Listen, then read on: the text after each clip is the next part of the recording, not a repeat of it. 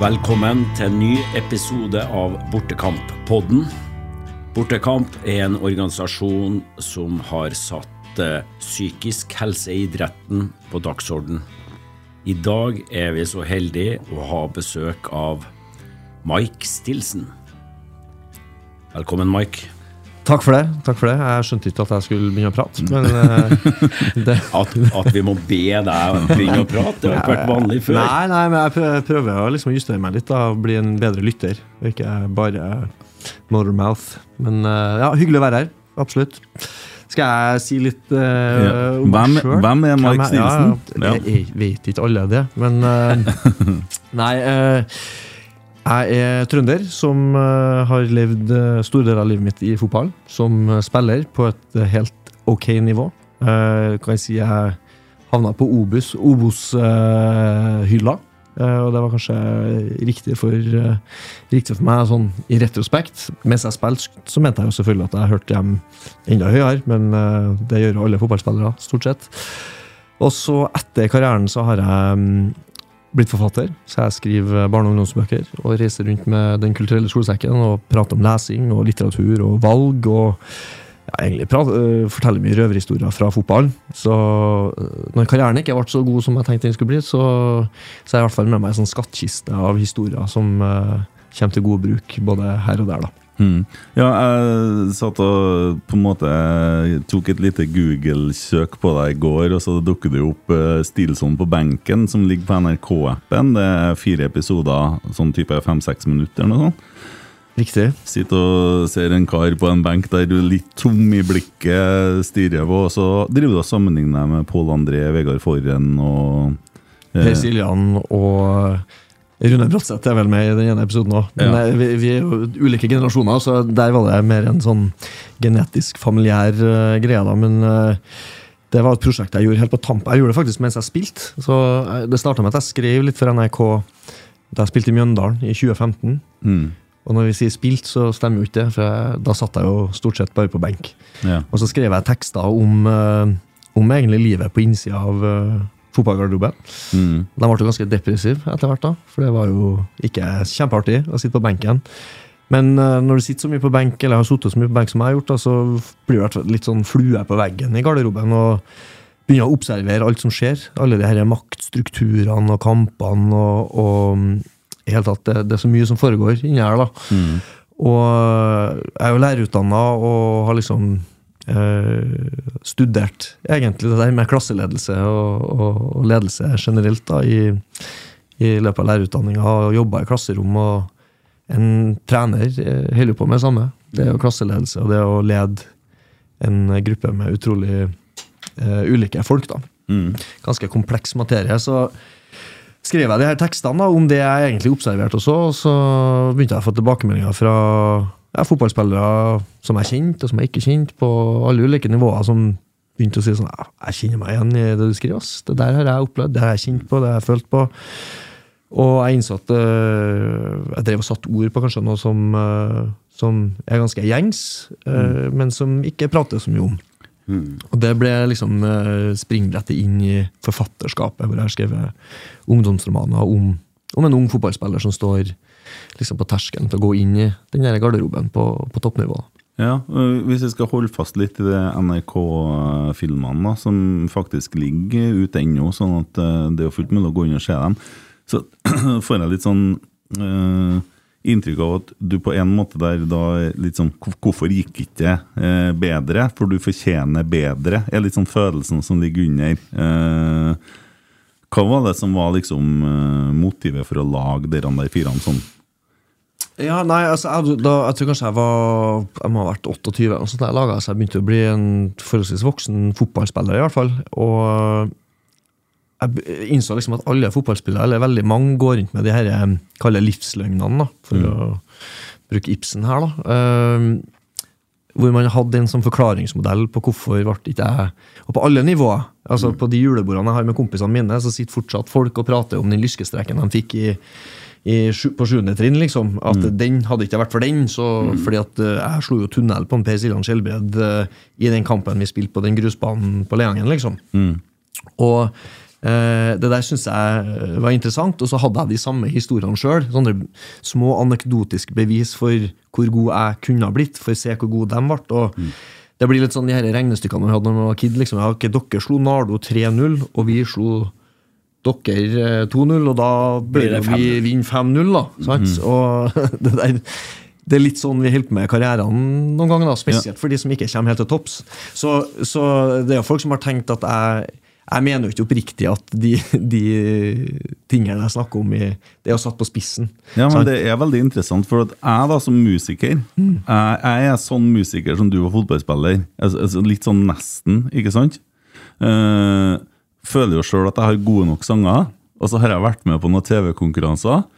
Og så har jeg òg blitt sendt hjem igjen. Og så er jeg Nei, du skjønner da at han jeg ble teama opp med For hvis at jeg hadde Og dem som gikk videre der, dem var det jeg som fortalte hvordan de skulle gjøre det til. Ja. Sånn at det var bare tilfeldig at det ikke var jeg som egentlig gikk videre der, føler jeg. Og jeg må òg si det til meg sjøl, at eh, det er sånn. Det, jeg tror, det tror jeg er en ganske sånn eh, vanlig menneskelig mekanisme. liksom. Vi driver jo hele tida og skaper oss et sånn narrativ. Hvem er, hvem er jeg, og hvorfor er jeg den jeg er? og Veldig ofte når vi forteller en historie, spesielt som voksne, og vi liksom lurer på hvorfor ble det ikke sånn som jeg tenkte at det skulle bli, jeg skulle jo være der eller der, eller der, og så er jeg her, så er det mye mer behagelig å bare skylde på noe utafor deg sjøl enn å gå inn i valg. For jeg kan jo også innse at Kanskje var talentet mitt for begrensa. Det er jo ubehagelig å si. Kanskje jeg ikke var bedre. Kanskje jeg, mak kanskje jeg faktisk maksa talentet. Det kan jo være en greie. Ellers kan det være at jeg ikke eh, ofra nok. At jeg tok valg på veien hvor jeg burde stått igjen etter den treninga hver eneste dag da jeg var 13-14, og så gjorde ikke jeg det så mye som jeg burde gjort. Jeg gjorde ikke like mye som dem som kom Ja, For det sier lenger. du jo med en Per Siljan som er ute og springer tur sammen med deg, så springer han hele 10 km mens du gikk den. Ja, ja, ja, og, det, er ikke sant? og der er sånn eh, Som tiåring så tenker du ikke på at det her kanskje er det som avgjør Så det er ikke det løpet i seg sjøl, men det er den der, de små valgene over tid i sum blir til en annen retning. Mm. Og det er litt sånn ekkelt å tenke på, for du begynner å angre deg. Og det, anger er jo en sånn ekkel følelse som eh, er veldig lite produktiv, egentlig. Eh, for du får jo ikke gjort noe med det som altså, water under the bridge, liksom. Så, så jeg synes det var, det var liksom eh, tanken min. altså Interessant i etterkant, for etter hvert så er det ganske mange som har sett der i alle typer aldre. Og så møtte jeg Jeg jobba på den her NRK-serien Heimebane, og så hadde vi en haug med statister, og mange av dem var jo sånne hobbyspillere i femte-sjette divisjon, for det var det du fikk tak i. da, og Mange dem kurante fotballspillere, men så var det en jeg husker jeg prata med, som sa sånn, han, var så, han og faren hadde blitt så provosert over premisset, da, fordi at uh, jeg, jeg snakka min egen karriere så ned. da. Men jeg hadde jo tross alt kommet på et nivå hvor jeg var semiproff og proff og kunne ha levd av fotballen. og Hvor mange er det som aldri kommer dit? Altså, jeg, hvis jeg hadde kommet dit du hadde kommet, så hadde jo jeg vært over the moon. liksom. Det her hadde vært uh, det mest sinnssyke som har skjedd. Og så sitter du her og prater dritt om det. Du mislyktes Eh, Ja, ja ikke sant? måte. Jeg, ikke sant? jeg mislyktes, men hva med meg, da? Som, som bare spilte fjerdedivisjon, liksom. Ja. Og det synes jeg var et interessant perspektiv, for jeg tror det forteller noe om hvor relativt det her er. da. Altså Du står i den situasjonen du står i, og den følelsen av å ikke ha fått det til, den, den kommer til alle, den. Um, og så tror jeg kanskje ganske mange av de som når helt opp, dem er enda råere på å gi slipp, kanskje. Jo, men er ikke det da litt sånn når du ser at de deler ut gullballen, og så sitter Ronaldo og er faktisk pissed fordi at det er Messi som drar med den, så det er ikke, og, og han mener at det er han som skulle ha hatt den, og så er det det samme der òg? Eller FK Fosen, som er, der jeg er fra, som er i sjette divisjon. Jeg snakka med dem, eh, med dem i år. Nei, altså Vi kom på andreplass, Vestbyen rykka opp, men Vestbyen de hadde med seg Stavnestrø og de hadde med seg en del eh, proffe spillere på sommeren. så Det er en forklaring på hvorfor ikke FK Fosen rykka opp. Ja. også. Så du finner jo egentlig Du finner det overalt, og så er det liksom Man kan jo begynne å prate om at det er en negativ ting, det å føle seg mislykka, altså, men det ligger jo noe energi i det òg, i det å øh, Den derre revansjelysten, den drivkrafta Ja. til å faktisk ha lyst til å ta det steget. Så det er en, det er en sånn balanse. Man skal ikke avskrive det som en utelukkende negativ følelse. Da. Jeg tenker jo, Du ser eh, LeBron James i NBA, for eksempel, som er helt rå på å prate om hatersene sine. Antagelig har du hatt få basketballspillere som har blitt så forguda som han. sant, som har så mange supportere. Men det han vektlegger, er alle som ikke trodde på meg. Alle som liksom eh, ville meg vondt. Det er drivkraften. Riktig. Så vi henter jo som mennesker så henter vi noe i de her negative følelsene som kan drive oss til utvikling, og så kan det bikke over, da. Eh, hvis du bare går og kjenner på at du mislykka, eller at eh, folk ikke liker meg, eller hva enn, så så kan du havne i et annet spor da, som ikke er så veldig produktivt. Så det, det, det har alltid to sider ved seg, det her. Og eh, ja. Men, men det, det, da er jo kanskje enkelt å se tilbake på pedagogikken ikke sant? Eh, i et klasserom. Der har du noen som blir trigga av motgang, mens enkelte eh, presterer dårligere når de får følelsen av motgang. ikke sant? Og de må, de må på en måte eh, strykes med hårene og, og klappes på. Eh, mens eh, for å få ut det beste av den andre gruppa, så, så gir du litt rann sånn Du kan enda bedre, ikke sant? Og, og ja, jeg tror jo at det er sånn eh, både på og utafor banen, altså at vi er forskjellige. Eh, og vi kan være forskjellige i hvilke faser vi er i livet òg. At eh, eh, ja, i en periode så kan du, kan du skikkelig bli trigga av å måtte ta på deg hanskene. Eh, hvis du er litt langt nede fra før av eh, og får en trøkk, så er det kanskje det som gjør at du kommer enda lenger, lenger ned. da.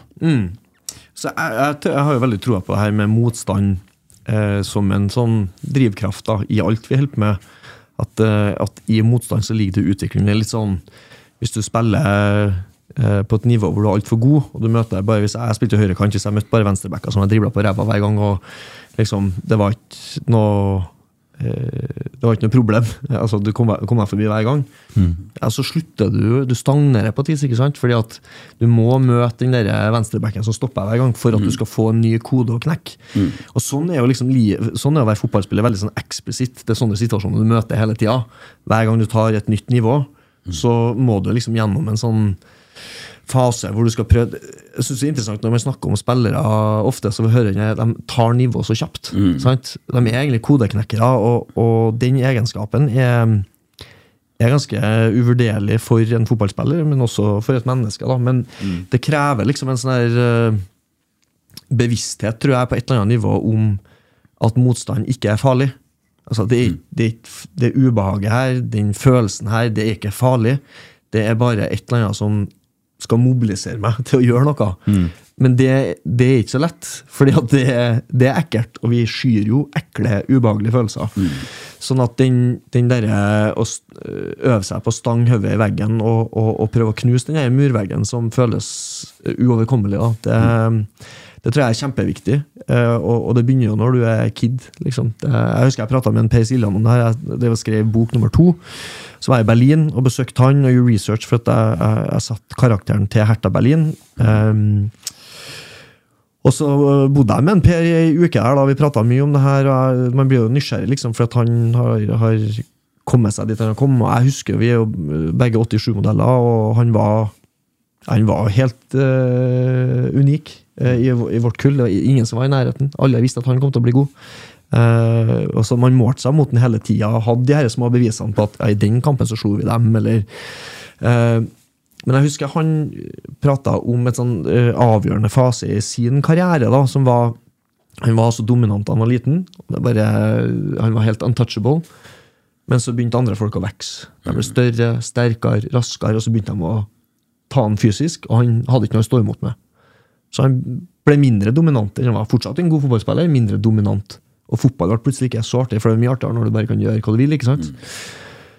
Og da fikk jeg en liten knekk, husker jeg han fortalte. Og så eh, var det vel faren hans som hadde, hadde liksom tatt den til siden og sagt liksom, hvorfor har du slutta å dra på Løkka nå? Liksom, hvorfor er du ikke ute og leker med ball sånn som du gjorde før? Nei, liksom, så kom det jo fram den her frustrasjonen. da. Hva er vitsen? Så men det her er bare midlertidig. Du kommer til å vokse, du kommer til å bli større, du kommer til å ta igjen der. Hvis du stopper nå og øver om fem år, da, ja, så da er løpet kjørt. For da har dem som nå kjenner på mestring, dem kommer til å ha, ha, fortsatt å utvikle seg. Og hvis du stopper nå, så, så stopper du å utvikle deg. Men hvis du holder på, ja, så på et eller annet tidspunkt så vil den forskjellen utjevne seg. Det er helt sikkert. Og så ble det en motivasjon for han å gå ut og finne ut ok, jeg er mindre, Jeg er kanskje ikke eh, raskere. Jeg er på fysiske parameter nå, så er jeg etter. Hva kan jeg gjøre for å bøte på det? Og så begynte han å knekke koder. Jo, jeg må kvitte meg med ballen kjappere. Jeg må liksom eh, øve opp de her tingene som kan gjøre meg mer robust i møte med det der. Jeg må finne andre måter å løse det på. Og den kodeknekkinga eh, trekker han helt fram til liksom, motgangen i Tyskland og, og alt han har møtt på veien. da. Og det syns jeg er superinteressant, for det er sånn ehm, definerende øyeblikk i oppveksten, altså identi identitetsdannelsen i puberteten, der, som gjør at man får noen egenskaper. da. Ja, og du har jo nevnt det med eh, identiteten din, når du sånn tydelig hadde høyere ambisjoner enn hva du ø, oppnådde eh, i, i karrieren. Og, og du har sagt at ø, jeg definerte meg nesten 100% som menneske med den, det jeg klarte å prestere på fotballbanen. Eh, når, når, når oppdaga du, og hva var det som gjorde at det var litt snevert å, å ha det synet? Nei, altså, jeg, jeg kan huske at fotball var i veldig stor grad ehm, leik. Fram til jeg var jeg vil si liksom eh, 14-15. Og så når jeg ble 16-17, så skjedde det et eller annet som gjorde at jeg ble veldig sånn Jeg ville opp og frem. og Først var det jeg ville på A-laget til Strindheim, og så ville du bli proff. Og så var jeg, jeg jaga liksom et eller annet sånn Å mak maksimere, da. Eh, og um, i perioder da, så kunne jeg liksom miste gleden ved fotball, for det var liksom bare sånn alt. Og når du da ble benka, da, om det var Strindheim eller Ranheim eller Mjøndalen, så liksom faller livet i grus, fordi at du føler deg så ubetydelig, så verdiløs. Og ehm, det føles ydmykende òg, for at du bruker så mye tid på det her. Eh, alle vet at du spiller fotball, og, og, og, ja, og de ser, eh, begynner å spørre hvorfor spiller du ikke. Altså, du må stå til rette for det, selv om folk stort sett alltid bare gjør det av omsorg. Og det er ingen som, De dømmer ikke deg. Eh, men så begynner jeg liksom, jeg husker Mats Hansen i Mjøndalen. Vi pratet om for at vi hadde begge mødre som var liksom helt sånn, ble fra seg hvis du var på benken, for de var redd for lillegutten. Altså, ble lei deg nå, hva er treneren holder på med? Og, men da må du liksom ikke bare bære din egen skuffelse og sorg og motstand, men du må faktisk, det føles som at du må bære det for alle andre rundt òg. Ja. Så det, det syns jeg var trått, selv om mye av det bare er innbilt. Altså, Men man snakker ikke om det. Man bare Ok, du må bare bite den sammen. Altså, kanskje du bruker mye tid på å være frustrert, eller jeg kan bli sint på mora mi liksom, for at hun drev og masa om det der. La meg bare håndtere det sjøl. Det går bra med meg. ikke sant? Så bruker jeg energi på det, så det er masse energilekkasjer. Og så glemmer du at det du holder på med, er jo å spille fotball, som er det artigste du vet. Ikke Så det er helt sånn og det, Hvis jeg skal si at jeg angrer meg på noe i løpet av fotballkampen, så er det kanskje ikke at jeg ikke brukte all tida mi på egentrening, eller, ja, det kan jeg angre meg på, men, men det jeg angrer meg mest på, at jeg brukte så mye tid på å glemme av hvor artig fotball egentlig skal være. For når jeg ser på de periodene hvor jeg var best som fotballspiller, så tenkte ikke jeg på de tingene. Da var fotball bare en lek. Siste høsten i Mjøndalen så var det så dritt en periode den eh, sommeren før der, hvor jeg var helt ute i kulda liksom, og, og kom ingen vei. Og så husker jeg, Da var jeg 29, da. Så ga jeg bare slipp. Jeg var hjemme på ferie i Trondheim for å sprang Esenstadmarka, sånn sinnssyke motbakker. Og så bestemte jeg meg for at jeg, jeg får ikke gjort noe med alt det rundt. Altså, Laguttaket, det, det, løpet er kjørt for alt det der. Jeg får, jeg får ikke påvirka det. Du ga litt faen, Ja, for å og så kom jeg tilbake fra ferie, og så var jeg venstreback på det dårlige laget.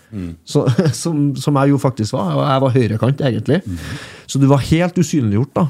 Eh, Og sånn er det. Altså, jeg, jeg dømmer ingen. for- Sånn er fotballen. Den er brutal. Og når du er ute i kulda, ja, så er du ute i kulda. Det er ubehagelig. Og så kan, man, kan jeg være uenig enig i hvordan man behandler folk i den settingen, men det er nå så.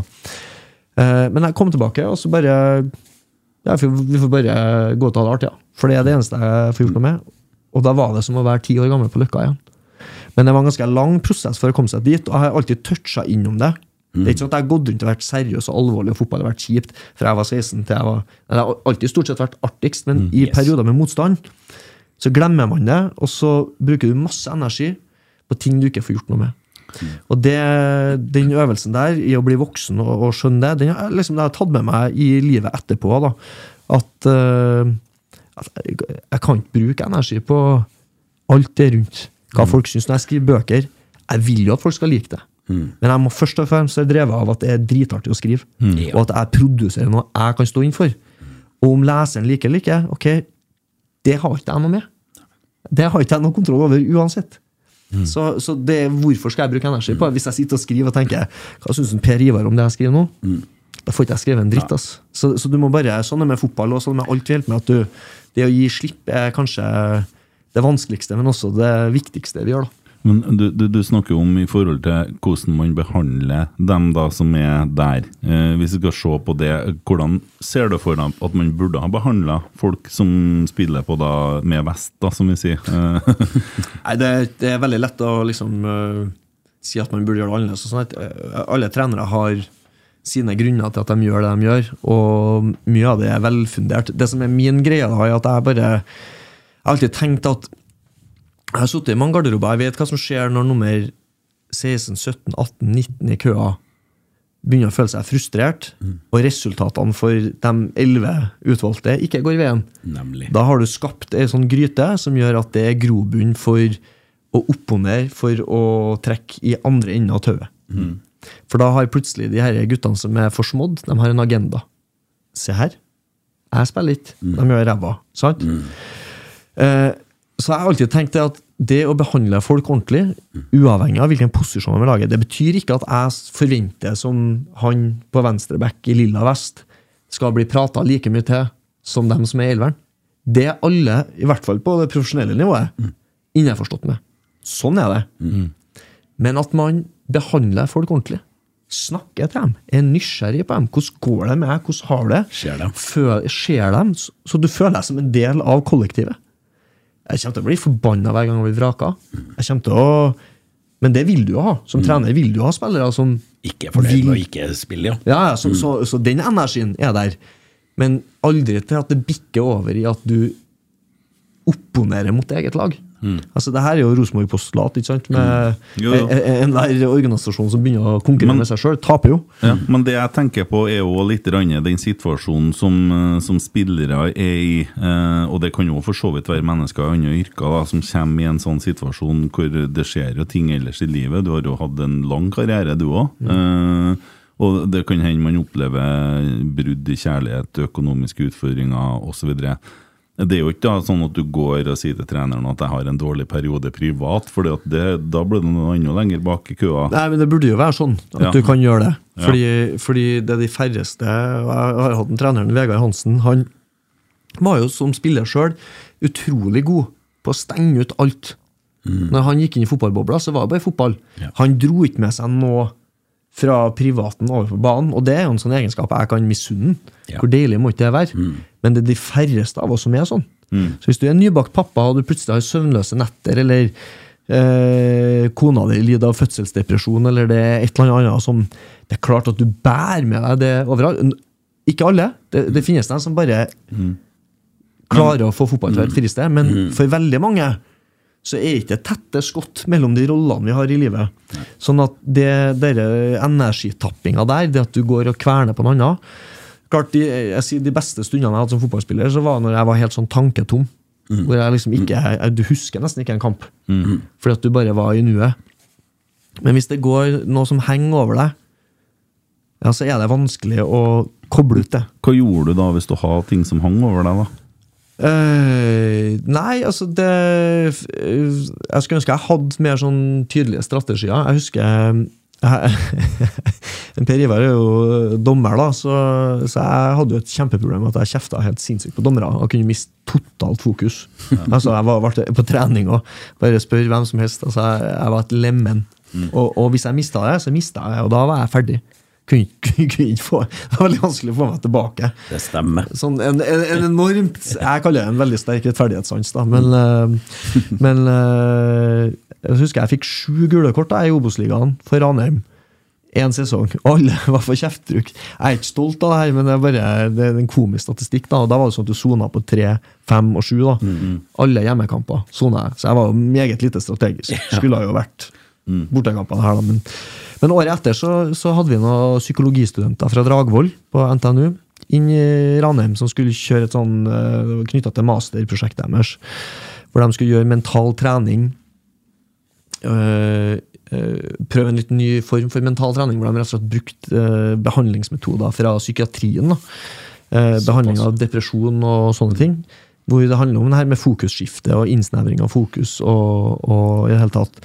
Og da skulle vi, Halve spillergruppa ble plukka ut, og halve spillergruppa skulle være kontrollgruppe. da. Så jeg var en gruppe som ble plukka ut. og Det tror jeg var ikke tilfeldig. Eh, Trond, Trond Nordsten som var trener eh, våren 2013, tror jeg. Og Da skulle vi ha noen sånn individuelle sessions med de her to psykologene. Prate med dem, og så skulle vi eh, ta hver kveld og hver morgen høre på et sånn lydopptak av et sånn komplekst lydbilde. da. Og Det var sånn fuglekvitter, det var trafikklyd, det var vann som rant, det var masse lyder. Veldig sånn forstyrrende greier. da. Og så er det ei dame da, som drev og veileda. Nå skal du fokusere bare på lyden av rennende vann. Det er kun lyden av rennende vann. Skulle vi si Det var elleve minutter langt, det lydopptaket. Jeg husker Are Tromseth, da, som var kaptein i Ranheim, han brukte jo det her som sovemedisin. Så han hørte jo aldri ferdig det lydopptaket. Han bare satte på, og så sovna han. og så... Men han var på tampen av karrieren, så han følte kanskje ikke at det var, var så mye å hente. Tid for endring. Nei. Men for meg så jeg, jeg merka hvor muskulært det her var. da. Altså den der, Det å trene opp den evnen til å fokusere, for det var innsnevring av fokus, det var utviding av fokus. Og jeg fikk bare ett gult kort det året. Sesongen etter.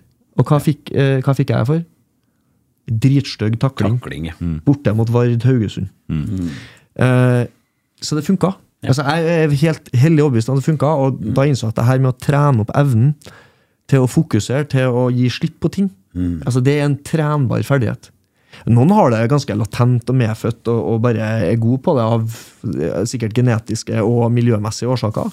Og så øh, Jeg kommer fra en veldig hissig familie, så det her er genetisk til meg òg. Hvor vi bruker veldig mye energi på ting som har passert det. Vi klarer ikke å slippe det. Vi skal til bunns. Hvem, hvem har skylda, liksom? og det skal være en avklaring. Og helst skal alle være enige i at jeg hadde rett til slutt. Sant? Ja, ja. Eh, og da bruker vi mye energi på å, å gnage på ting, da. Ja. Så, så det var en erfaring som jeg har tatt med meg, og eh, jeg driver ikke med noe sånn eh, meditasjon daglig, men jeg ser helt klart eh, eh, at det å stimulere seg på den måten, det å klare å gå inn og ut av ulike soner Lesing for meg er en sånn måte å trene opp eh, oppmerksomheten min, det å snevre inn.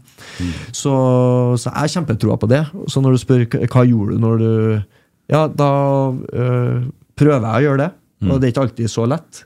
Fordi at du Det er jo litt sånn akkumulert òg, det her. da? Hvis du har fr vært frustrert som fotballspiller lenge, sitter på benken, du er forbanna på treneren, og du føler liksom at du får ikke sjansen, og du har båret det med deg lenge, så er det ikke bare å sette på en tape, kjøre litt uh, headspace, og så slipper du det. Fordi at du tar det med deg, og så bygger det seg opp, og så må du kanskje få et utløp for det. da. Ja, og, og det var jo det du sa innledningsvis her. eh, På, du har fått tilbakemelding fra en del spillere på, på videoene som du, som, du, som du spilte inn.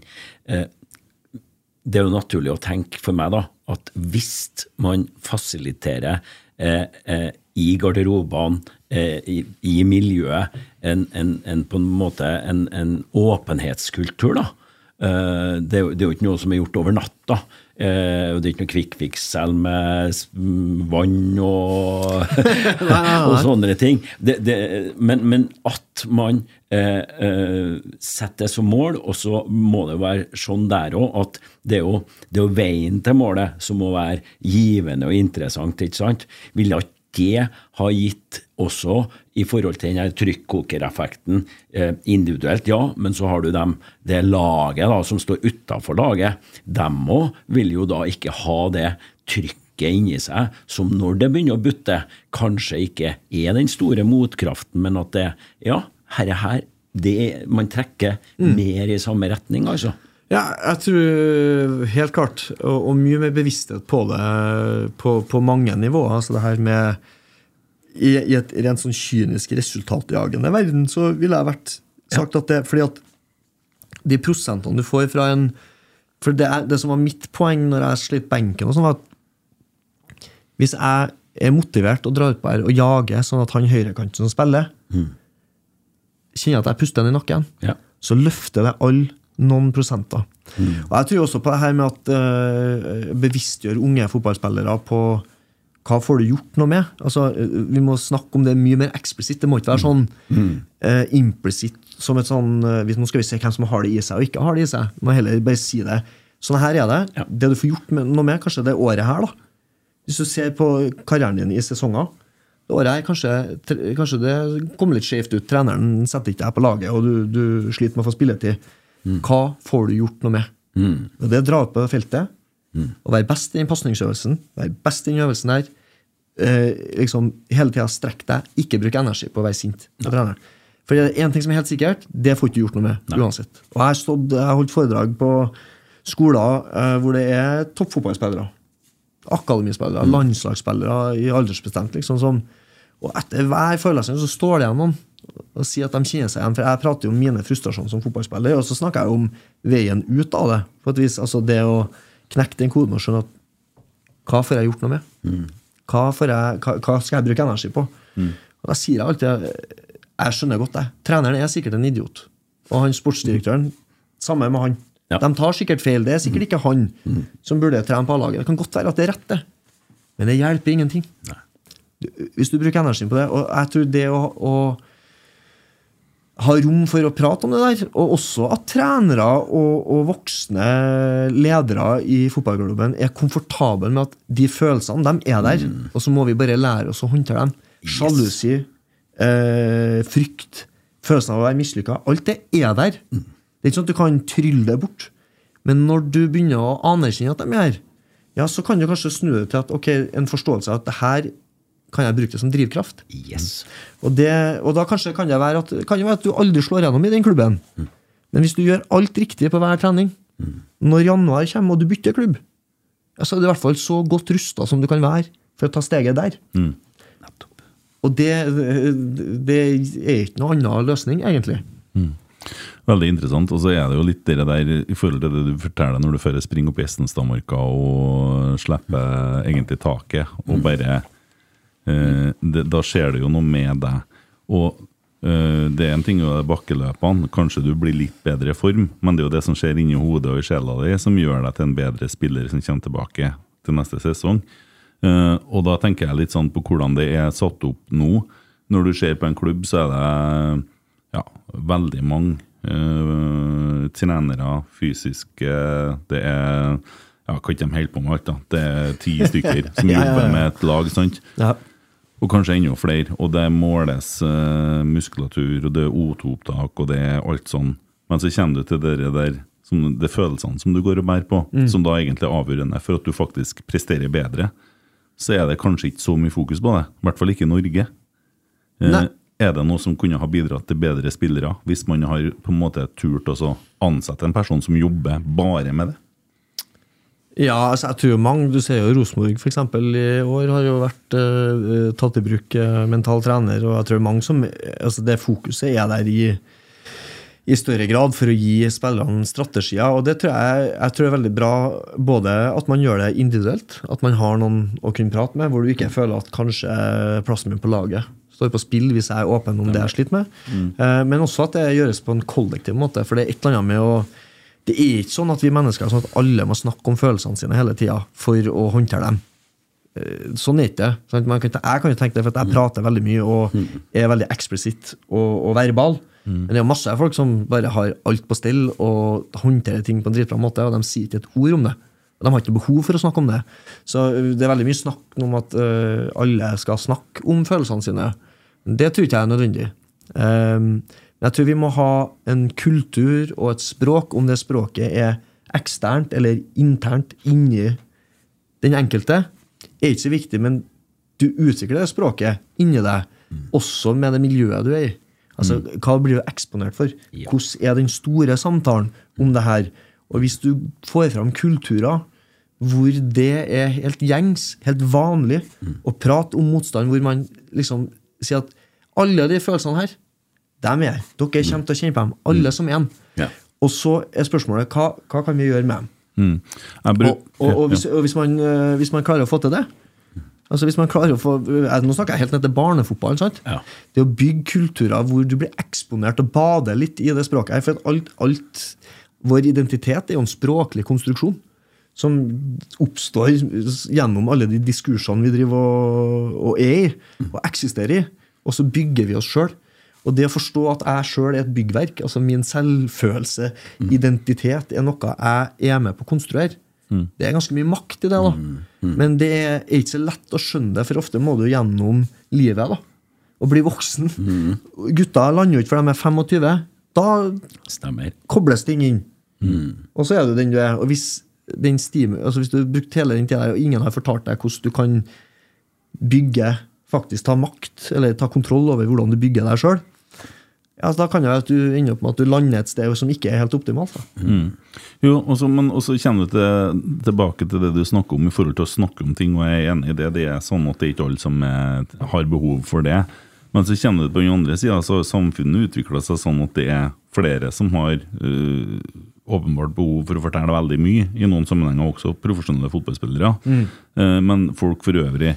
Og så er det sånn at vi da eh, hyller åpenhet, og har jo hatt en veldig fin sak i Lillestrøm her nå med Tobias og måten Gjermund Aasen har tatt dere der på, og det er det jeg vil litt fram til.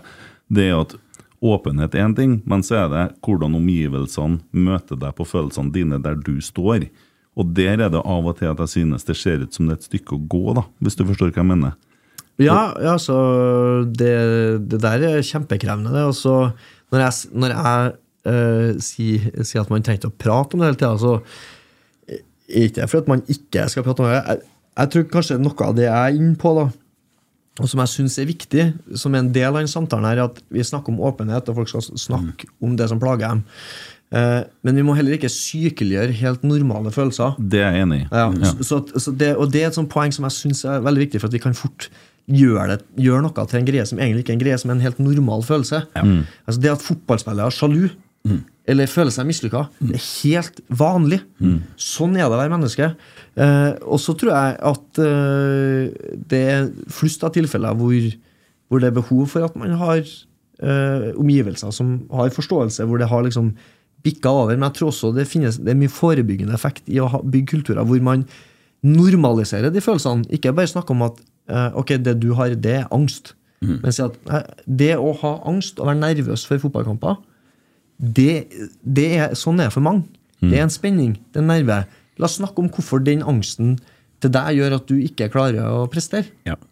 Mm. For da er, den, da er den diskusjonen helt åpen. og Alle kjenner på det. Ja. For det tror jeg er en greie at vi, vi blir eksponert Nå blir vi eksponert for veldig mange folk sine liv, sin åpenhet, men det er en veldig sånn kalkulert og um, eh, si, I sosiale medier for eksempel, så er det det er markedskreftene som rår der òg.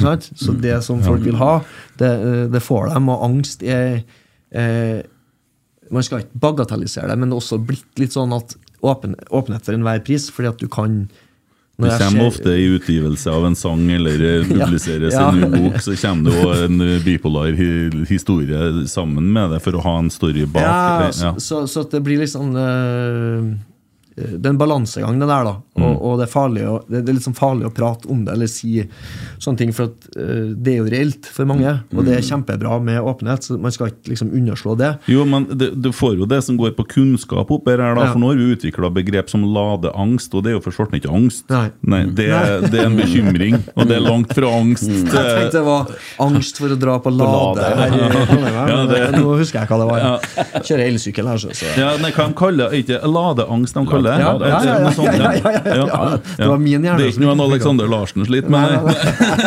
Ladeangst. For dette drisoland. Nei, men altså, og vi bruker det sånne begrep litt feil, ikke sant? Og det vil jo igjen da medføre at hvis du har en spiller som kommer og faktisk har angst, da Eh, i, I en eller annen slags graden, så får han beskjed om å skjerpe seg. Og det Ja. ikke det, det blir litt som å si til en person som har eh, fått korona, om å ta seg sammen. Liksom. Ja. Det, det, er ikke sånn det funker. Men jeg tror, jeg tror rett og slett det å øh, Når vi snakker om åpenhet, så er det mer det å normalisere øh, alle de her følelsene som et menneske bærer i seg.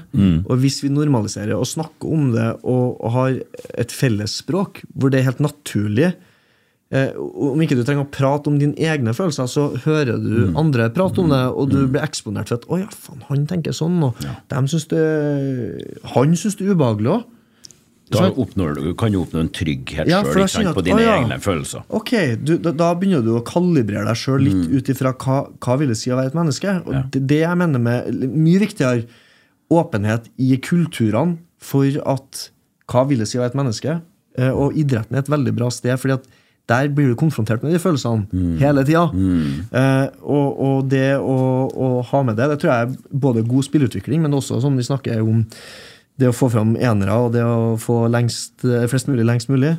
Så de, den, den egenskapen der eh, tenker jeg, det bør være fotballen sitt største mål. da, Få ut eh, unge mennesker som har de verktøyene. Fordi at det er et pre når du, når du skal bli proff. Har det med, altså De guttene på det høyeste nivået klart De har en evne til å håndtere motstand, mange av dem, som er helt uovertruffen. Altså den, Det fokuset til en Erling Braut Haaland og så kan du si, Hvordan har han fått det? Jo, Det er mange årsaker. Det er antagelig genetisk, det er miljømessig, det er språkbetinga ut ifra at han har en far som har vært der sjøl. Masse faktorer som spiller inn, men, men vi kan bygge kollektive kulturer. Ikke bare at det er avhengig av at du er født inn i riktig familie med de riktige genene, den riktige faren eller den riktige mora, men at du er i et idrettslag hvor Ok, det her skal vi prate om, for at vi vet at hvis vi klarer å få våre unge lovende til å synes at motstand er digg. At det å kjenne på er ok, det er bare en del av det jeg skal gjennom for å finne ut og, og, og, og, utvikle mitt indre kompass. Ja, så tror jeg det, det løfter alle nivåer av barne- og ungdomsidretten. da.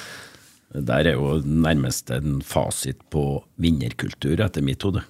Abs absolutt. Det, det er bare å se til Rosenborg på 90-tallet, Glimt nå, altså alle dem som hvor de, de driver med kodeknekking. vet du. Og, og Rosenborg er et kjempegodt eksempel, fordi at uh, en, eh, Nils Arne språkliggjorde det. altså Gjennom Rosenborg-postulatene og hele det her, er jo ei håndbok i å liksom håndtere uh, veldig mye av det vi prater om. Men, eh, men det, det, det er lett å si, og så er det vanskelig å gjøre. Eh, fordi at eh, det kan jo koke litt i idretten, og eh, du må være ganske bevisst det. da. Så må du vite liksom eh, Du må ha bestemt deg for at det her er det du vil, vil at mine barn og ungdommer skal få ut av det.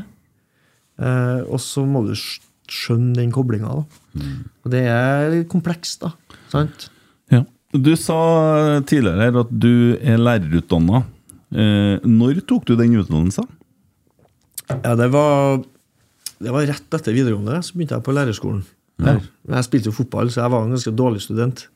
Så jeg sier at Semi, jeg, semistudent. ja, ja, det var halvstudert røver, altså. Men, eh, men eh, det var Det var altså det, det var min mor da som, som masa på at jeg måtte sørge for å få ei utdanning. Og jeg kunne være bitter på hun da, for at hun at Jeg skulle ønske jeg hadde foreldre som bare sa 'kjør på, bli proff', liksom. Bare ja.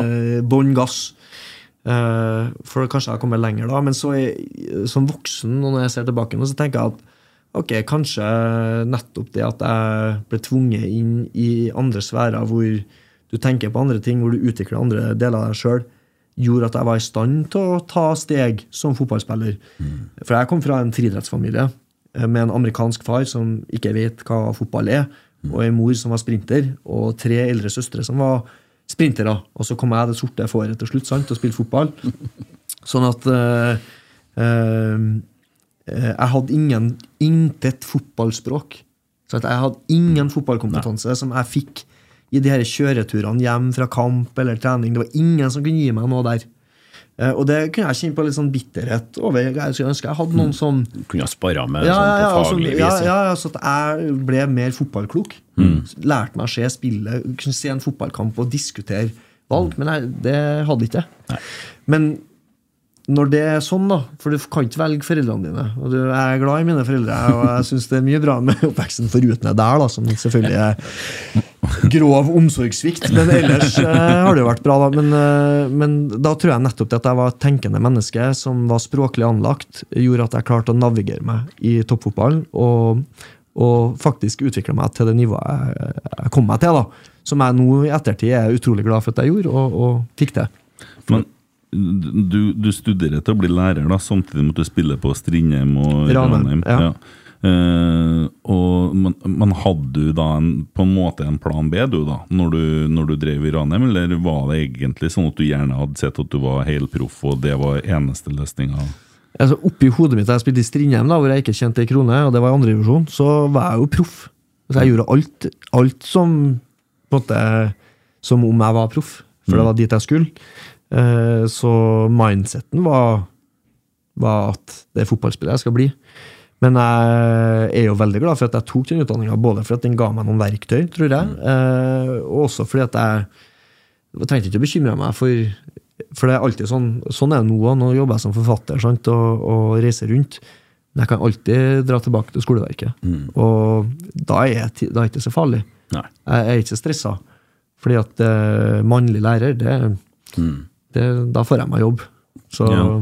Ja, men og vi, vi har jo av og til her snakka litt om uh, det her eh, sorte hullet som oppstår gjerne etter endt karriere. Og det er en del som står litt på bar bakke når man er ferdig som spiller, da. Eh, eh, men der er jo du Hvordan er dere der når du bestemmer deg for å legge opp? Og så, hvordan er følelsene rundt det når du avslutter karrieren din? Nei, altså, jeg, akkurat det jeg, Hva jeg skulle gjøre etter karrieren, det var liksom Det stressa jeg ikke noe med, for at jeg visste at det, det var nok av muligheter. Um, men eh, klart, det savnet etter garderoben, den tilhørigheten, den delen av identiteten din som er så sterk, det kjente jeg på. Og det, det er jo tøl. det Jeg kjente på Jeg tok et friår i 2014, hvor jeg, jeg tok pause fra fotballen, flytta til Oslo. Uh, og da hadde jeg sånn oppsigelsestid, for jeg jobba som lærer på Ranheim skole. Så tre måneder måtte jeg være i Trondheim uten at jeg var del av Ranheim-garderoben lenger. For jeg følte det var Å, det var tungt. Jeg hadde ikke lyst og Jeg følte ikke meg hjemme der, for jeg hadde liksom skulle ikke være med. Jeg hadde helt sikkert vært velkommen til å vært med, men jeg var i ettertid så hadde jeg kommet og dratt dit. Ja. vært med, sant? Jeg hadde operert òg, faktisk. Jeg hadde operert for Gilmore's Groin liksom, på, på slutten av sesongen før, så jeg var ute den første måneden eller to lell.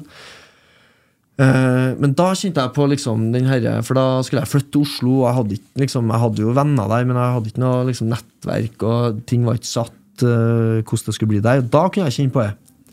Det herre hølet som du prater om. Og det tror jeg mange som ikke har gjort noe annet enn fotball, kjenner jeg på mye sterkere. Ganske sikkert. Ja, for det var det jeg tenkte jeg skulle spørre deg om. Ja. Du hadde klart, men mange i den samme garderoben eh, beit litt mer negler, vil jeg tro, for den dagen eh, de skulle legge opp. Ja, ja. De hadde ikke noen plan, de visste ikke hva de skulle gjøre. Er- Duger jeg? Nei, det, det er akkurat det, da. Og, um, og det å navigere i det der er kjempevanskelig. Ganske, jeg tror ganske mange av dem som har interessert seg for andre ting enn fotball, de har litt flere strenger å spille på. Altså som, som har utvida horisonten ute. Ikke nødvendigvis at de har studert, men at de bare er nysgjerrig på, nysgjerrig på livet, liksom. Ja. Interesser. ja. eh, Om det at de leser, eller at de har en hobby. Eller, altså. Men noen er jo kun fotball. Mm. Totalt enspora. Og da tror jeg det blir tøffere. Fordi at du i det øyeblikket du mister det ankeret som er garderoben, så blir man litt sånn vektløs, altså. Og, og um, det er en krevende Det skjønner jeg veldig godt at mange sliter med. Men jeg kan ikke sjøl liksom Jeg, jeg kjente på det litt i den perioden i, i, da jeg var ute av Ranheim, men, men ellers eh, så har jeg vært forskåna for det. For jeg har alltid vært grunna i noe. Og, og også vært veldig interessert i andre ting enn fotball. Så det har ikke bekymra meg Akkurat det har aldri bekymra meg, egentlig. Nei. Uh, nei, for jeg tenker jo så eh, Når jeg ser og hører og tenker om fotballspillere, så er det nesten som at hun måler sitt eget menneskeverd i prestasjoner på banen. Og når du òg snakker nå, så er det i forhold til at du føler deg mindre verd når du sitter på benken. Sant? Og det, det, det der og så tenker jeg da at den dagen man da legger opp, så, så, så, så klipper man jo av den der verdibarometeret der. Hvordan måler da man sin verdi?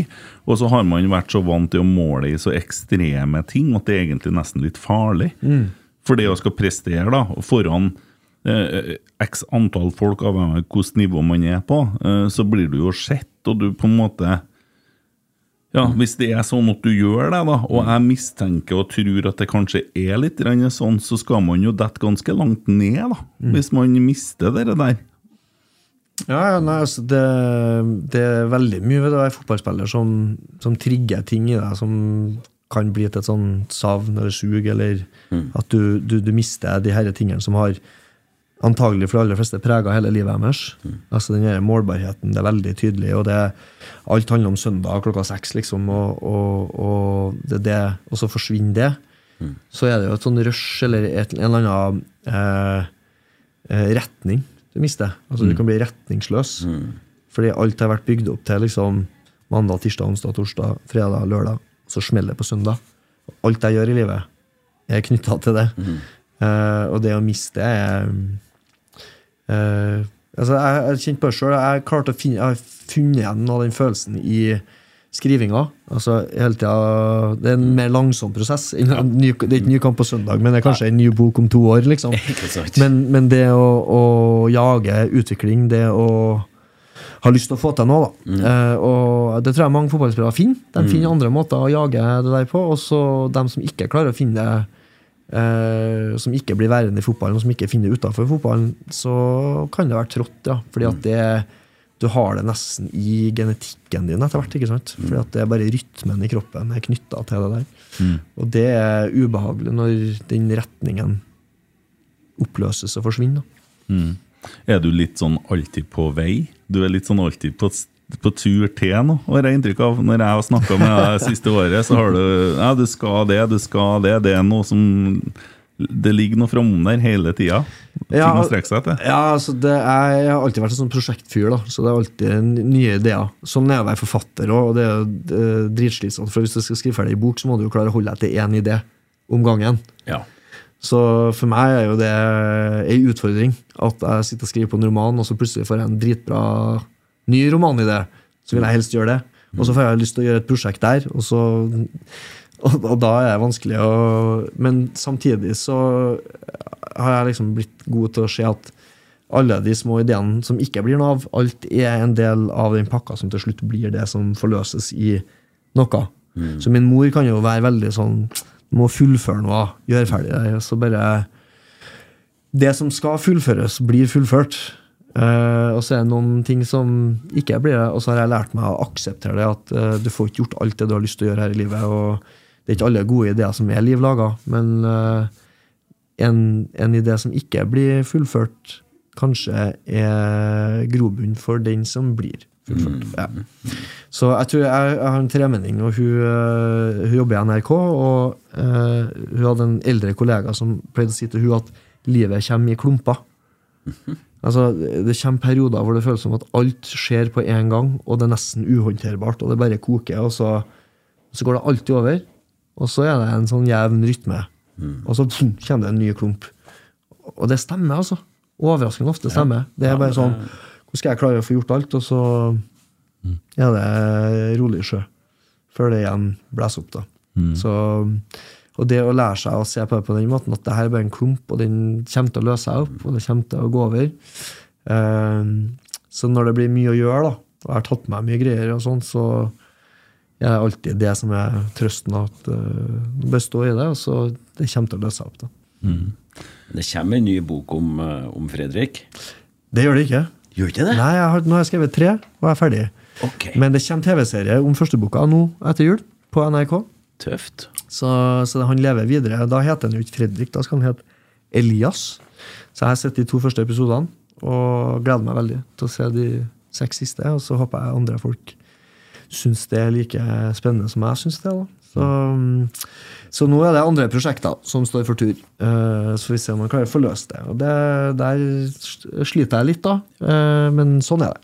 det sånn er det når en fotballspiller sliter litt med formen, og Men- en forfatter kan også, Er- også slite litt. da. Er du sånn forfatter som jeg er da som artist, når jeg holder på å jobbe med nye tekster, så er jeg egentlig ikke snakka noe, i hvert fall ikke når jeg sitter i det. Hva gjør du når du sitter og skriver, for da regner jeg med da er, da er du i ei boble? Ja, optimalt sett skal jeg være det, ja. men ø, skrivesperra kommer jo, da er det jo fram med telefonen. Og, så jeg har funnet ut at jeg må legge telefonen i et annet rom når jeg skriver. Så da går jeg inn i bobla. Og så når jeg først er inn i et univers, da, så kan du spørre kona mi, for at da er hun, hun ser er vektløs. ja, hun, ser, hun ser at jeg sitter og prater. Altså Jeg sitter ved middagsbordet, og ungene alle sitter og spiser. Og så sitter jeg og bare stirrer tomt ut i lufta og snakker med meg sjøl. Og hun bare 'Nå sitter og skriver, du', ja. Så jeg forsvinner inni Men jeg har ikke blitt så ille som en Tore Renberg, som jeg har hørt eh, fortalt at han en gang han var i den bobla der, glemte av fireåringen på butikken. og kom på det. Da han kom hjem og spurte dattera hvor er han ja, han er igjen på butikken. Den er hard. så så ille har jeg ikke blitt, da. Nei. Hva er det som har gjort deg lykkeligst så langt i livet, hvis du skal liksom se tilbake på de lykkeligste øyeblikkene? Bortsett fra sånn selvsagt å bli far og sånn. det Ja, du får ikke lov til å si eh, Nei, det- Nei, det er opp, opplagt. Ja. eh, Det å bli far eh, to ganger Mm. på samme dato med tre års mellomrom, det, Prestasjon. det er en prestasjon. Det, det, det er sylskarpt. ja, det er et, vi lager baby hvert tredje år i Ja, mai. nei, så det, den, det er ingenting kommer i nærheten av det, egentlig. Men uh, det som har gjort meg mest lykkelig, det var de herre somrene på Løkka. ass. Uh, det var ei på attmed Moelkirka i Trondheim, hvor jeg vokste opp, da, hvor vi spilte løkkefotball hele sommeren. Og jeg husker jeg, Sommeren 2000 er kanskje den som er sterkest i minnet. Jeg er frankofil da, under mesterskap. Eh, Av Zinedine Zidane. Da. Det er interessant det er mesterskapene når du er sånn 13-14-15. og dem som pff, setter seg fordi at du skjønner fotball og du ser alt og sluker alt, og så blir det veldig sånn eh, Ja, identitetsdannende, det òg, da. Eh, preger synet ditt på fotball, egentlig. Så sommeren 2000, EM i Nederland-Belgia, så husker jeg min mor og mine søstre de var, var i Nederland på noen sånn friidrettsleir, selvfølgelig. De fikk knust ruta på biler da Nederland røyk ut av uh, semifinalen de røyker, kanskje. kanskje. Det var dere Edgar Davids og Bergkamp og kult, kult lag de hadde òg. Men da husker jeg de kveldene hvor uh, vi var på Løkka, og så var det bare hjem og se kamp. Uh, og fære ut etter kamp og være de guttene du hadde sett på TV, og bare herje. og mm. Den følelsen Ingenting. Altså, kommer, jeg kommer aldri Mm. til å ha den følelsen igjen. Alt er mulig. eh, Lange sommerkvelder, kompiser, eh, dribling og takling og saft på drikkeflasker. Og, nei, det var Det er så mye sånn sanselige opplevelser som du bare kjenner nesten lukta av, av sommeren 2000. Da. Så ja, det blir vel det, egentlig. Det er det som har gjort meg mest lykkelig. Og de gangene jeg klarte å komme i nærheten av den følelsen jeg hadde da jeg spilte fotball på Løkka, som voksen fotballspiller, ja, da Det var stort sett da man var best, da. Når det var lek og moro. Herlig. Eh, Uh, ja, for at jeg tenker Men da, i de øyeblikkene, så ligger det jo på en måte Det livet ligger jo foran veldig, da. Og det er forventning, drømmer og mye sånn som ligger i det eh, situasjonen, tenker jeg. Sånn som jeg, når du beskriver det nå på Løkka der, så ser jeg for meg en forventningsfull guttunge. Ja, ja, altså, jeg tror bare det, De følte seg endeløse, de somrene der. Sant? Og nå er det jo sånn ti, Hva er ti år nå? Nå er jeg 35. da Ti år er et kvarter da det var ti. Liksom, det, er helt, det er helt sykt hvordan det tidsbegrepet endrer seg. Og det kan man jo bli litt sånn eh, engstelig av. da Sånn, Shit, nå går det fort her, liksom. Men uh, det å være tilbake der, og det er jo det man oppdager når man blir far òg. At man jeg på en måte merker at tida går veldig fort, for plutselig er ungen skolestarter. og bare shit, hvor har de seks årene her gått? Uh, men samtidig, når du uh, går inn i leken med barna dine, så klarer du faktisk å senke tempoet litt. da. Så um, barndom og ungdomstid og Derfor er jeg sånn eh, Jeg er så skeptisk til uh, den her eh, seriøsiteten i barnefotballen Ja. og den voksne armen som griper inn. Og på et vis så skulle jeg ønske at noen gjorde det da jeg var kid, og at jeg fikk mer sånn profesjonell oppfølging. Men samtidig så tenker jeg at de årene der, den perioden av livet, du får den aldri tilbake. Og hvis det er noen voksne som skal uh, sette standarden og sånn, så er det litt sånn skummelt felt. Og det er fint det hvis du lykkes og du blir mangemillionær og fotballproff og får den karrieren. Men det er ikke alle som får. Nei, Og hva, de færreste. ja, og hva sitter du igjen med da? Så, så Derfor er jeg litt sånn å verne om løkkefotballen, verne om, om det uorganiserte, eh, det frie. Barn som organiserer egen lek. Mm. Og det er jeg mindre og mindre av. Og jeg tror der ligger det også mye robusthet. da. Altså, jeg, jeg tror man har generasjoner nå Prata med en bekjent som, som eh, har god oversikt i ja, de her kullene som kommer opp nå. Og det, det er mye større behov for tilbakemelding. Hyppig tilbakemelding. Og, og på individuelt nivå. De skal serves Mm. mye mer.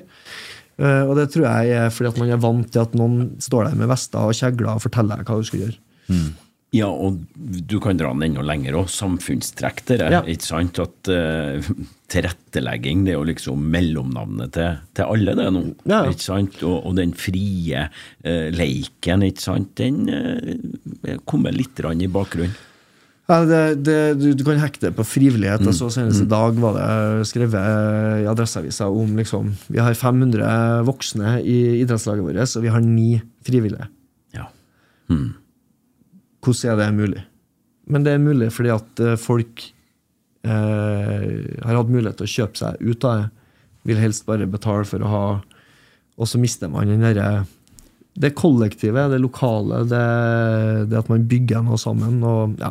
Så du kan, du kan trekke det liksom i Ja, Vi har jo en utfordring til oppi her, da, som konkurrerer med Løkka, og det er jo skjerm. Eh, for den, eh, og det det gjelder ikke bare barn og ungdom, men det gjelder voksne òg. Sånn at det er klart det, Og der igjen er det jo nesten bra at noen organiserer, for det ser ut som det, det går helt feil vei eh, i forhold til helsa vår òg, da. Så vi klarer jo ikke engang å oppnå de kravene som eh, Verdens helseorganisasjon setter for fysiske til barn og unge. Ja, Hvis du knytter alt det der til psykisk helse igjen, da, så vet vi at øh, fysisk øh, aktivitet og fysisk nærkontakt og søvn og kosthold og alt det her henger sammen, er jo det viktigste vi gjør for å ta vare på, på oss sjøl. Eh, mentalt sett, da. Og øh, ja, så det, det Alt henger sammen med alt, eh, rett og slett. Hvor du skal hen til slutt, da, Mike? Til slutt? Før jeg- jeg- ja, Forfatter, grava. forelesninger, har du noe Hva du, hva du skal hen med det? Det vi, det vi snakker om her nå, er det viktigste for meg, egentlig. Eh, Det kollektivet. Det er sa- å ha et samfunn hvor vi bygger opp hverandre, eh, prøver å gjøre hverandre bedre, hvor vi er nysgjerrige på hverandre. Eh, for meg har lesing og litteratur uh, blitt ett verktøy. Eh, Det å få f.eks. gutter til å lese mer, uh, til å utvide horisonten, til å bli tenkende, altså mennesker som tenker utover seg sjøl. For det å lese ei bok, det, det kan være tungt, det. Og i det å utsette seg sjøl for andre sine tanker, ting som ikke er nødvendigvis er lett tilgjengelig, som på en skjerm hvor det er fiksjonsfritt, men hvor du faktisk må bryne deg på noe annet, der ligger det en øhm, øh, opphevelse av subjektet, jeget. Du kan ikke tenke på deg sjøl, du må velge å gå inn i den teksten, og det er litt det er frivilligheten og det er samfunnet og sosialdemokratiet er tufta på. At du opphever dine egne behov litt. Og så sier du at eh, ved å investere i andre her nå, ved å investere i fellesskapet, så tar jeg faktisk vare på meg sjøl òg. Og det, jeg er jo en sucker for godfotteorien, da. Eh, som jeg mener jeg egentlig bare, bare spikrer opp i, i alle hjem. Eh, men jeg husker jeg fikk lov til å prate med Nils Arne for Jossimar her for eh, jeg ble Rett før korona, var det. Så januar 2020. Og jeg husker han sa, Vi prata mye om det her med den språkliggjøringa og, og, og språket i godfotterien. Han var veldig opptatt av at fotball var ferd med, han mente at fotball var i ferd med å bli nesten til en individuell idrett. Så opptatt av Ja. den enkeltes karriere og sånn. Og, og han sa at uh, det er så enkelt liksom som at hvis du investerer i andre Hvis du vil at andre skal gjøre det bra, så kommer de til å investere i deg òg. Og da blir det vekst. Ja. Og, og, og det er så sant. Og det der, der uh, Vi er alle opptatt av å sikre oss sjøl. Og det er helt menneskelig. Jeg, jeg har det sjøl. Det er ikke sånn at jeg går rundt og Nå er jeg fotballtrener for dattera sitt lag, liksom. Men det koster, ja. Ja, Nå må jeg liksom uh, være på og være deilig å bare la noen andre ta det. Ja. Men jeg må, jeg må overst- prøve å overstyre den. da. Og fordi at jeg vet at hvis jeg investerer i det her nå, i det fellesskapet med de andre voksne, med de jentene her, så kan vi bygge en kultur som gjør at dem blir unge mennesker som evner å ta gode valg, og som evner å ta vare på hverandre. Og så smitter det der over. Så det å øh, klare å gjøre det der Så du spør hva, hva Det er liksom mitt prosjekt, da. Og det er dritvanskelig. Eh, fordi at øh, vi er oss sjøl nærmest. Og jeg har lyst til å bare ha god inntekt og reise på fine ferier og liksom ha det komfortabelt. Eh, men over tid Jeg husker jeg, jeg har amerikansk far, da. Og bestefaren min, jeg skal besøke han nå i USA. Eh, og han pleier å gå turer da, hver dag. går Han tur, han er 92. Og han hadde møtt en tysk lege på denne turen, det er flere år siden. da, og så, Som var på ferie i Portland, Oregon, da, hvor eh, han bor. Og så hadde, han, da hadde de begynt å prate, da, og så han fortalte hva han betalte i skatt. Han betalte nærmere 50% i skatt. liksom, Og så hadde han eh, spurt jeg ble ikke forbanna vet du, må liksom betale så mye skatt. da, Og min bestefar er blitt en slags sånn sosialdemokrat, han altså, så var mer bare av nysgjerrighet. da. Så han nei, vet du, jeg vil mye heller være velstående i et uh, rikt land enn velstående i et fattig land. Altså der ulikhet uh, Underforstått at uh, minst, minst mulig ulikhet. da. Eh, fordi at der folk flest har det bra, der blir det bedre å bo. Tryggere å bo. Uh, I stedet for å være mangemillionær, og så må du ha sikkerhetsvakter og gjerde liksom, på tomta. Satt litt på spissen, men jeg bare liksom kjenner at eh, hvis det er meg, meg, meg, og hver enkelt skal sikre seg sjøl først og fremst, ja, da får vi et sånn type samfunn. Ikke nødvendigvis at det dras helt ut dit, men over tid så forvitrer liksom det dette samfunnslimet. da. Eh, og det må vi kjempe mot. Altså Det må vi kjempe mot. Og for meg er et av de verktøyene lesing. Ja. Det å få folk til å orke å gå inn i noe annet enn seg sjøl. For du kan velge å være i din egen boble gjennom skjermen din konstant. Jeg tror du gjør det ganske bra der, for jeg kom over et eh, avisintervju. Du har vært på, på Nordmøre. Og der var det noen ungdommer som, som har lest eh, bøkene dine, og som vanligvis ikke leste. For det er jo det, er jo det gjengse i dag. ikke sant? Du ser ikke ut, ja, Ikke engang skolebøkene er jo i bokform, nesten. Ikke sant? Så, uh, men, men de sa jo at uh, ja, nei, vi leser ikke noe mye bøker. Men det her bøkene til deg, de, de traff. Og, og, og, og da, da tenker jeg at du er på, du er på god vei ja, til Nei, men man trenger ikke å bli, og Jeg er ikke opptatt av at folk skal bli lesehester heller. Ja. Det er ikke et mål for meg. Eh, Jeg mener bare at litteraturen kan være ett eh, innslag i livet ditt. Og antagelig, hvis det er det, så vil du eh, treffe andre måter å tenke på, utvide horisonten din. Noen ganger til og med smelte ned horisonten din og være nødt til å bygge nye strukturer for å forstå verden på en ny måte. Og det tror jeg er bare sunt for oss, for det røsker oss litt ut av den der komfortable bobla som veldig mange av oss eksisterer i. da. Veldig bra. Jeg har òg lært meg å begynne å lese. Ja. Ja, i godt voksen alder. Eh, jeg tror jeg, Nå er det sånn at jeg har jo levd et litt annerledes liv, eh, så eh, jeg var ikke særlig aktiv før fram til for tre-fire år siden, når jeg begynte å trene. Og jeg har hatt det sånn før når jeg har sittet og lest, om det så var i bruksanvisning, så leser jeg noen linjer, så forsvant tankene til andre plasser. Jeg klarte ikke å konsentrere meg. Men så begynte jeg å like jogging av alle ting. Jeg har ikke kunnet ha drømt om det sjøl, men jeg, jeg gjør det.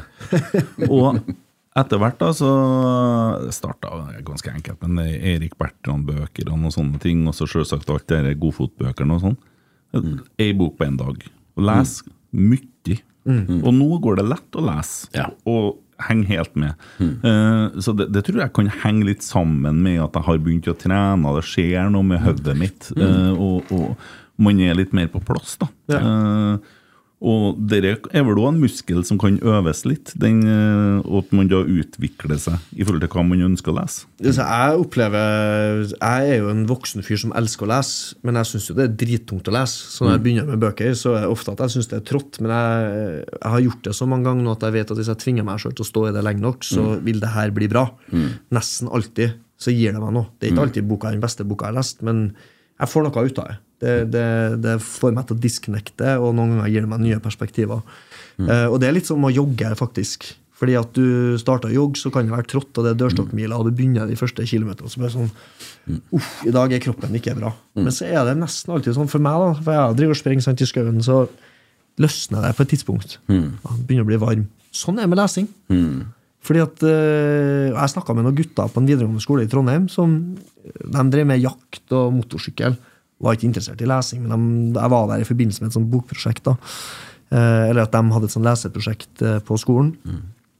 Og så sa jeg, jeg Det skjønner jeg godt, at det er tungt å lese, liksom, men jeg, Men for meg er det sånn, hvis jeg leser lenge nok i en bok, altså jeg er trått i starten, men så kommer jeg til et punkt hvor det er sånn at jeg glemmer eh, Eller at jeg liksom, det bare flyter. Han, bare, han er den 16-åringen og sa ja, det der har jeg opplevd, jeg òg. Det er som om du slutter å lese. Og så bare er du. Er du der? Og sånn er det, for at de første sidene så kan jeg drive og se på side hvor langt der jeg kom Jeg er i gang, liksom. Og så, når du kommer etter 100 sider, hvis det er ei kurantbok, så slutter du. Og se på sidetallene. Ja, ja. Du bare er der. Og det er jogging, vet du. Sant? At du havner i den flyten hvor du ikke kjenner på omtene, du bare flytter på kroppen. liksom. Har, du, Men jeg- har du opplevd rønershai, Røners da? Ja, altså Det vil jeg tro jeg har, men eh, du må definere det, definere det for meg. Du har gjort det, Kent, har du fortalt meg. Mm. Jeg har aldri hatt det. Så kan, Hva- du, hva kan du beskrive det? Når jeg, når jeg, I 2020 så var jeg atskillig bedre i form enn hva nå, for da sprang jeg mye, og sprang sunt, for det har ikke jeg gjort nødvendigvis det siste året. Men eh, når jeg da begynte med halvmaratongreier, sånn, så kunne jeg etter 10-12 km begynne å få gåsehud, og så fikk jeg sånn frysning over hele kroppen, og så ble jeg sånn Akkurat som jeg ble mye lettere. Og jeg tenkte at det her klarer jeg. Jeg fikk sånn, Det her går jo lett. Jeg fikk sånn, jeg vet ikke, det skjedde noe sånn Det ble plutselig som at jeg fikk litt sånn airhead, liksom. Og ja, gåsehud Ja. over hele kroppen. Veldig god følelse. Men litt av poenget mitt i stad var at jeg tror at det at jeg begynte å jogge og kom i bedre form, ga meg evnen til å lese. For Jeg tror at jeg var så dårlig form at jeg klarte ikke å konsentrere meg om lesing. Og det henger jo òg sammen med det mentale. For at jeg har jo fått mye mer balanse i livet med òg fysisk trening. Det er jo masse Det det, det, det der puslespillet der som er helt uh, Hvis du klarer å legge de brikkene på riktig plass. Og det, jeg husker jeg var en leseforsker da jeg jobba som lærer. da, Så var jeg med på et leseprosjekt i regi av Trondheim kommune. Som handla om uh, het faktisk 'Tilgang til livet' gjennom lesing og skriving. da. Det var et utrolig bra sånn fag, faglig løft. Da Da hadde vi en foreleser som het Sture Nome, som er eh, sånn nestor på lesing. Og han var så oppgitt over mange her lærebøkene. Så han sa liksom det, han det om, han var steinentusiast da han var barn. Han var opptatt av steiner, samla på steiner, var litt sånn geolog. da. Og så hadde han lest en naturfagbok for la oss si det var for femte trinn. da, Hvor det var et kapittel om steintyp, steintypen gneist. Og her hadde du en voksen mann som elska geologi. Faktisk Hadde til og med gneist liggende hjem, liksom. Og så leste jeg kapittelet for tiåringer om stein, steintypen gneist. Skjønte ingenting. Nei. Det var helt, helt håpløst. Ja. En så ræva tekst. Han sa kunne jeg like, altså, det har vært like god leseopplæring å sende ungene til å springe til den høyeste bakketoppen og komme tilbake. For økt kondisjon er lik bedre leseevne. Så det du opplever, er helt uh, Ja, men jeg tror Helt riktig, det. helt og riktig. ikke bare leseevne, men tåleevne. Ja. Og tåle egne følelser Ja. blir enklere når du er i bedre form. Fordi at Absolutt. jeg har prøvd det motsatte. Og når jeg er sliten og dårlig form, så er det mye vanskeligere for meg å tåle mine egne følelser. Ja. Ja, og alt det her tror jeg er sånn eh, vi skal virkelig dypt inn så er det sånn evolusjonsmessig betinga. Vi, er jo- vi er jo programmert for å håndtere livet på et sett som egentlig tilhører jeger- og sankekulturen. Og det hele tatt. Så det, det moderne livet, og, og nå spesielt med skjermer og alt sånn, eh, påvirker oss på måter som vi ikke helt skjønner sjøl. Som vi ikke vi er ikke rigga for å håndtere det, egentlig. Så så det, og det tenker jeg med fotballspillere òg, at eh, du er konstant pepra med input. da Fra Twitter eller Insta. Eller, eh, og du- har både den der narsissistiske biten av det, at du blir veldig opphengt i deg sjøl, hva folk mener Ja. om deg. Og så har du den mimetiske komponenten, som er liksom at du driver og sammenligner deg med Og du vil være som andre. Og når unge fotballspillende gutter og jenter driver og ser på superstjernene, så begynner de å måle seg opp mot det. Og så er veien dit ganske lang, og den handler ikke om de eksterne, ytre faktorene. Den handler om jobben du gjør, og det, det avviket der kan jo fort blir vanskelig å håndtere. Ja, det er jo det, for det er jo det motsatte av lykke, egentlig. Ja. For eh, hvis du ønsker en helt annen plass i en helt annen kropp uh, enn der du er sjøl, så er vi enige om det, Kent, at uh, da er vi ikke uh, direkte lykkelige, i hvert fall. Nei, jeg bruker å si det at uh, hvis jeg skal definere lykke, så er det jo når jeg ikke ville ha bytta med en annen. Men det er akkurat der jeg er følelsesmessig, økonomisk eller geografisk, eller hva det skal være. Mange ganger har jeg ønska meg andre plasser i livet, og da har jeg kanskje ikke akkurat vært lykkelig. Nei, nettopp. Så, ja. Ivar Kotteng hadde jo noen sånne ganske artige betraktninger i forhold til det der om å lese om seg sjøl. Det gjør han altså ikke. Ikke på noe som helst måte. Ikke i aviser, ikke i mm, sosiale medier. Mm. Hva skal det for, da? Sånn. Har ikke bruk for det. Ødelegger livet sitt. Kaste bort tida på det. Han vet jo hvor han står hen. Så eh, det kan være litt lurt, og ser jo, som du sier, eh, det er en del fotballspillere eh, som eh, så får kjørt seg hardt, og som er med i debatten på sosiale medier. Jeg skjønner ikke hvordan det går an, hvordan man har helse til å takle det. Det Nei, folk er jo forskjellige, da. Det er jo Så enkelt er det. Men uh, Ivar, det er jo mye klokt i det han sier, da. Altså, det beste er jo bare Ja, å vi ser, vi ser det jo, jeg kjenner jo flere nå som eh, rett og slett har mer eller mindre slutta å se på nyhetene, for eh, du blir påvirka negativt av det, for det er, det er mye fælt. Og det har det jo vært i mange, mange år, men nå er det liksom det er enda lenger mellom lyspunktene, ikke sant? Og så så feeder de jo Mediene er jo Negative nyheter er jo drivere. Ja. Sant? Ja. Og det er spesielt eh, det å trigge raseriet og sinnet veldig, veldig polarisert. Ja, og så sånn at eh, mediebildet ikke sant, det er jo konstruert for å generere inntekter jevnt over det òg. Så, så det er liksom den her informasjonstidsalderen er ganske krevende å, å, å leve i. Så du, må ta, du må ta noen valg og verne deg sjøl, tror jeg, da. Og, og liksom kutte ut eh, Vi klarer ikke å håndtere den konstante flyten av informasjon. Så det å lande i seg sjøl og være komfortabel der du er, tror jeg er kjempeviktig. Ja, det er litt interessant. Jeg har ei datter på på tolv som er litt sånn eh, spør hva hun skal og sånn og sånn. Så sier jeg nei, jeg skal ikke, skal ikke bruke skjerm i dag. De har begynt å valge det litt bort og er litt mer bevisst i forhold til det. Det kan hende at eh, vi går i bedre tid i møte i forhold til, forhold til sånne ting. Eh, det syns jeg er veldig snedig, for jeg, jeg tror min generasjon er ute og kjører skikkelig. Ja. Du ser mødre går med babyen på armen og telefonen på Ja. armen og ikke til stede i hele tatt. Nei, ikke bra. Nei. Jeg tror vi har uh, godt av å lære oss uh, å øve på oppmerksomt nærvær litt, rann, i større grad.